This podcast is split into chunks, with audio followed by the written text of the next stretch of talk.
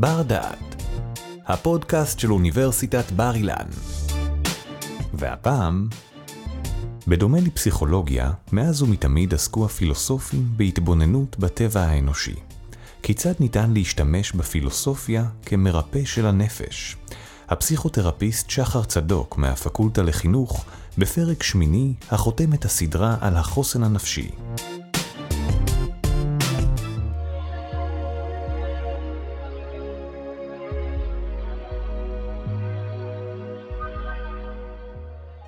ענני יגוני התפזרו ושתיתי בצמא את האור. כששבו והתבהרו מחשבותיי, פניתי להתבונן בפני הרופאה שלי. הפניתי את עיני, הצבתי עליה את מבטי, וראיתי שהייתה זו מי שסעדה אותי בביתה מאז ימי נעוריי, הפילוסופיה. זהו ציטוט של הנקיוס בואטיוס. ציטוט זה מבטא את החשיבות של הפילוסופיה לריפוי ופיתוח חוסן. בחלק הקודם עסקנו בחשיבות של לימוד הפילוסופיה ומה נוכל להפיק מלימוד זה. חלק זה, האחרון, הוא מתוך סדרה כוללת.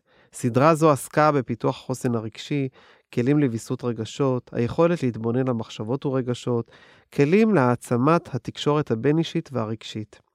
הפעם אנסה להגיש לכם את הכלים הפרקטיים שיש לפילוסופיה להציע לפיתוח החוסן הרגשי והתמודדות עם אתגרי החיים, לזה אני קורא פסיכו-פילוסופיה.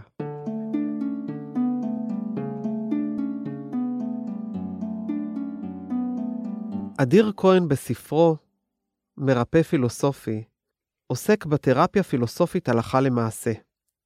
ספר נוסף של דוקטור לו מרינוף, אפלטון במקום פרוזק, עוסק בשימוש בתבונת הפילוסופיה לפתרון בעיות היומיום.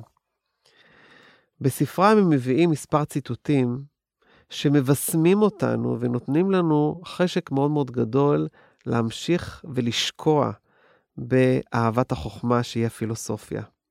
ציטוט של אפיקורוס, היא התבונה לבדה, היא העושה את החיים מאושרים ונעימים, על ידי כך שהיא מגרשת את כל התפיסות או הדעות המוטעות שעלולות להדאיג את הנפש בכל דרך שהיא. סוקרטס מזמין אותנו לחקירה. חיים שאין בהם חקירה, לא כדאי לו לאדם לחיותם. כפי שציינתי בחלקים קודמים, הרגש הוא הקריאה שלנו לחקירה. כשאנו מרגישים משהו, אנחנו נשיים אותו ונקרא לו בשם, ונשאל עליו שאלות פילוסופיות, כך שנבין את משמעות הרגשות שלנו. מרקוס אורליוס מביא לנו ציטוט שעד כמה הפילוסופיה מסייעת לנו לעשות סדר. וכך הוא אומר, הזמן של חיי האדם אינו אלא נקודה, והחומר אינו אלא זרימה מתמדת, ותפיסותיו מסורבלות, והרכבו של הגוף בר השחתה, והנשמה היא מערבולת, והגורל בלתי ניתן לפענוח, והתהילה היא דבר חסר טעם. מה יכול איפה להדריך את האדם? דבר אחד, ורק דבר אחד, הפילוסופיה. זה מביא אותנו לנקודת המפגש פילוסופיה-פסיכולוגיה. מאז ומתמיד עסקו הפילוסופים בהתבוננות בטבע האנושי, עיסוק שדומה לתיאור תפקידו של הפסיכולוג. כל פילוסופיה מתייחסת לאנושות, לא תהיה שלמה ללא תובנה פסיכולוגית. בדומה לכך, גם הפסיכולוגיה תיכשל ללא תובנה פילוסופית, ושתי הדיציפלינות האחיות נפגעו מאוד מן הפילוג ביניהן. נשאלת השאלה, מהו בכל זאת ההבדל בין פסיכולוגיה לפילוסופיה? כיצד נוכל לתרגם את זה לעבודת הפסיכולוג לעומת עבודת הפילוסוף? הפסיכולוג שואל איך האדם מתנהג, למה הוא מתנהג כך וכיצד הוא יתנהג בעתיד. הפילוסוף לעומת זאת שואל, מה התנהגות אנושית ראויה, למה היא משמעותית, כך או אחרת, איזה תפקיד היא ממלאת עבור היקום או האנושות. אפיקורוס טען כי ריקים הם טיעוניו של הפילוסוף אם אין הם מביאים להקלת הסבל האנושי. פילוסופיה תכליתית מבחינתי היא איך הפילוסופיה מסייעת לאדם. הפילוסופיה מייצרת סדר בעולם המושגים שלנו כלפי העולם, היקום והחיים.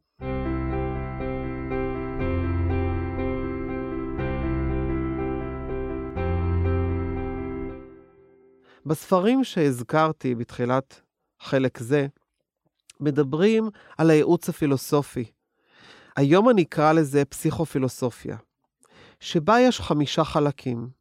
יש את זיהוי הבעיה, יש את זיהוי הרגע שמתעורר עם הבעיה, יש את הניתוח האפשרויות השונות לפתרון, יש את בחינת התמונה היותר רחבה, תוך גיבוש השקפה פילוסופית, מה שנקרא רפלקציה, ויש את השגת האיזון, שזה בעצם היעד. אנחנו כולנו בסופו של דבר רוצים להגיע לאיזון. כשאנו מתבוננים על החיים שלנו, כמו תמונה גדולה או כמו איזשהו סרט, תנסו לזהות מתי מתעוררת בעיה. מתעוררת בעיה כשאנו נתקלים במשהו לא מוכר, או שעוצר את השגרה שלנו, אנו מגיבים באופן רגשי. אנו שואלים את השאלה מה קרה, אנו בעצם פוחדים משינוי ומנסים באופן טבעי לחזור לאותם הרגלים ולפתור את אותה בעיה עם אותם הרגלים ישנים שבעצם יצרו את הבעיה. הפילוסופיה מזמינה אותנו לשאול שאלות ולגלות מה לא עובד, ואולי גם מה אנחנו צריכים לשנות כדי שהדברים יעבדו בצורה טובה יותר. להתמודדות הזאת עם בעיה, כפי שציינו גם בחלקים הקודמים, יש התרחשות פיזיולוגית מפותחת יותר של המוח, שבהם אנחנו בעצם, דרך הפרשנויות שלנו והתיוג שלנו של אירועים כאלה ואחרים, אנחנו חשים באופן פיזיולוגי רעד בזמן חרדה, או הזעה בזמן של לחץ וכולי. הייעוץ הפילוסופי, או הפסיכופילוסופיה, תשאל מה מייצר את הרגש, או איזו מחשבה מייצרת את הרגש. זה מוביל לשאלה מה הסיפור שלי, או מהי פילוסופיית החיים שלי שמייצרת רגשות לא מקדמים. כאן בעצם נכנס תפקידו של הדיאלוג הסוקרטי. הדיאלוג הסוקרטי שמערער כל השערה או מערער אפילו כל עובדה. הדיאלוג הסוקרטי מבקש מציאת הגדרות אוניברסליות, מדויקות, מפורשות, מוכחות, כדי שנוכל לענות למשל על השאלות מהו חופש בשבילי ומהו יושר בשבילי. אפשר לעבור חיים שלמים ולא להגדיר מהו צדק. גם אנשים רודפי צדק לא תמיד עוצרים ושואלים מהו בכלל צדק עבורם ומהו צדק בכלל. הדיאלוג הסוקרטי יהיה מונחה על ידי מאמן מיומן, שמהצד השני מפריך, סותר ומשקף את ההנחות היסוד של המתאמן שלו. השאלות בדיאלוג הסוקרטי תהיינה בדרך כלל שאלות פתוחות, כמו מה, מי, כמה, למה ואיך, אני קורא, קורא להם, מכנה אותם כ-WH questions, ולא כשאלות סגורות של האם. כי שאלות של האם מזמינות תשובה של כן ולא. שאלות פתוחות מזמינות תשובות פתוחות. אז אנחנו בעצם מדברים על שאלות של אנליזה והפרחה. בואו ניתן למשל דוגמה. סטודנט מגיע אליי, אני מאמן, אני מאמין קוגניטיבי התנהגותי. כחלק מהאימון הקוגניטיבי או מהטיפול הקוגניטיבי, אנחנו משתמשים בדיאלוג הסוקרטי. הסטודנט טוען, לא התקבלתי ללימודים, אין לי סיכוי להגשים את החלום שלי. אני כמאמן וכמטפל קוגניטיבי שמשתמש בדיאלוג הסוקרטי, אשאל מי אמר שאי קבלה ללימודים הספציפיים חורצים את גורלך? תיתן לי הוכחה לזה. או אולי נשאל, האם אתה מכיר אדם שלא התקבל ללימודים ספציפיים שכאלה, ובכל זאת הגשים את החלום שלו להיות בתפקיד מסוים? השאלות האלה שאלות שקורות תיגר על הפרדיגמות של הסטודנט, או של המתאמן שלי, או של המטופל שלי. אני אוכל כמטפל או כמאמן להעצים את ההפרחה או את הערעור, ולומר, אני דווקא מכיר אנשים שלא התקבלו ללימודים הספציפיים האלה, וכן הצליחו, ולתת לו דוגמאות נוספות. ולסתור בעצם את הפרדיגמה שאומרת, לא התקבלתי ללימודים, אין לי סיכוי להגשים את החלום שלי. זו הייתה דוגמה לדיאלוג סוקרטי. אתן לכם דוגמה נוספת, מה יש לפילוסופיה להציע במסגרת הפסיכופילוסופיה. למשל, הסטודנט אומר, או המתאמן אומר, או המתבגר שלכם אומר, הבעיה הזו מאמללת אותי, מה אני יכול לעשות בנוגע אליה? הפילוסופיה מציעה לנו כמה דרכים. הדרך הראשונה היא פשוט לקבל את המציאות כפי שהיא. ולומר, נכון, אני מרגיש אומלל, אבל אני מסוגל להתמודד עם זה. זאת המציאות. אין לי שליטה על המציאות הזו. הדרך השנייה היא לפתור את הבעיה בדרך דומה לפתרון בעיות קודמות או דומות, ושם אנחנו נשאל מתי בחיים שלי התמודדתי עם אותה סיטואציה ואיך התמודדתי איתה. הדרך השלישית היא לחקור כיצד אנשים אחרים מתמודדים איתה. הדרך הרביעית היא יצירת הקבלה לתופעות בטבע או ניסיון אישי שלי או של אחרים. כאן אנחנו רואים בעצם ארבע דרכים ששואלות שאלות ויכולות להביא פתרונות מכיוונים שונים. זה מה שנקרא חשיבה מחוץ לקופסה. בתהליך של דיאלוג סוקרטי שכזה, אנחנו מתבוננים על הבעיה שלנו מתוך איזושהי עמדה של השקפה פילוסופית. כדי למצוא את ההשקפה הפילוסופית, עליכם להתרחק מהבעיה, מעוצמת רגשותיכם ומההיגיון שבניתוח שלכם. הצעד הקריטי הוא לאמץ הסתכלות פילוסופית כוללת על המצב שלכם, אשר תאפשר לכם להגיע לפתרון ולהמשיך הלאה. ייתכן ותמצאו פילוסופיה שתהדהד בתוככם, בהגותו של אחד הפילוסופים הידועים על ידי לימוד וקריאת חומרים. יש גם לכם פילוסופיה אישית משלכם. גלו אותה.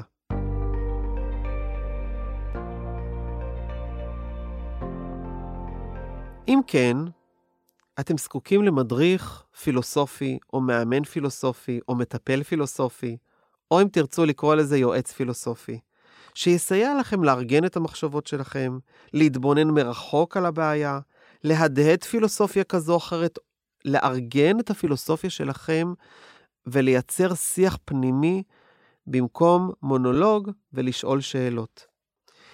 יש פה תהליך כמו שהגולם הופך לפרפר, שבו אנו פוגשים את הבעיה, אנחנו מעבדים את הבעיה, בעזרת הפסיכופילוסופיה אנחנו מייצרים פילוסופיה אישית משלנו, שמסוגלת להתמודד עם הבעיה שבמרכזה יש את התובנה, איזושהי עמדה חדשה, פילוסופיה חדשה שיכולה לשפר את החיים שלנו.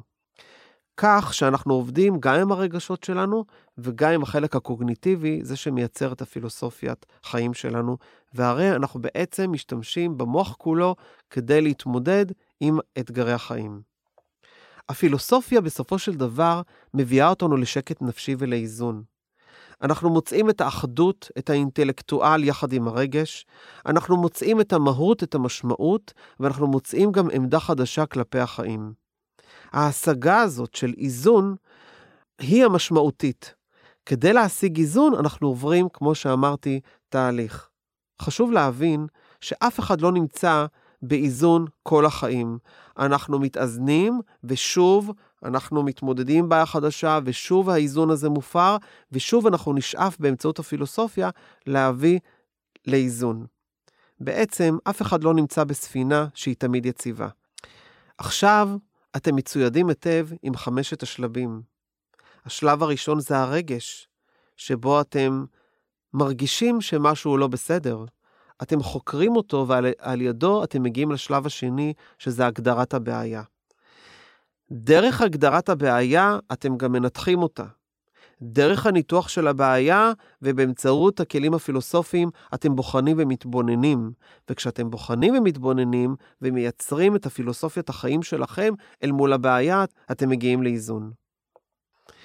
אני מזמין אתכם להיות היועצים הפילוסופיים של עצמכם, לחקור את העולם הפנימי שלכם, ללמוד פילוסופיה ולהגיע אה, לאיזושהי בהירות בחיים שלכם. והפילוסופים ואנחנו לא עובדים לבד. אנחנו מתבססים על 2,500 שנות מחשבה.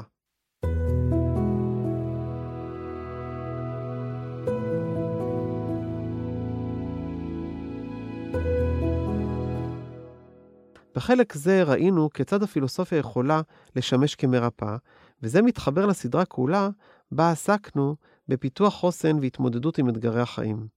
כפי שראיתם, הכלים הם מגוונים, והפילוסופיה מזמינה אותנו להתבונן, לחקור, לייצר משמעות ולהשיג איזון שכולנו שואפים אליו. תודה שהאזנתם לבר דעת. מיטב המרצים והחוקרים של בר אילן בחרו עבורכם את הנושאים המסקרנים ביותר מתחום התמחותם. התוצאה? ספריית פודקאסטים משובחת שכולה זמינה לרשותכם. בר אילן, משפיעים על המחר, היום. ערך והפיק אורי טולדנו. תודה על ההאזנה.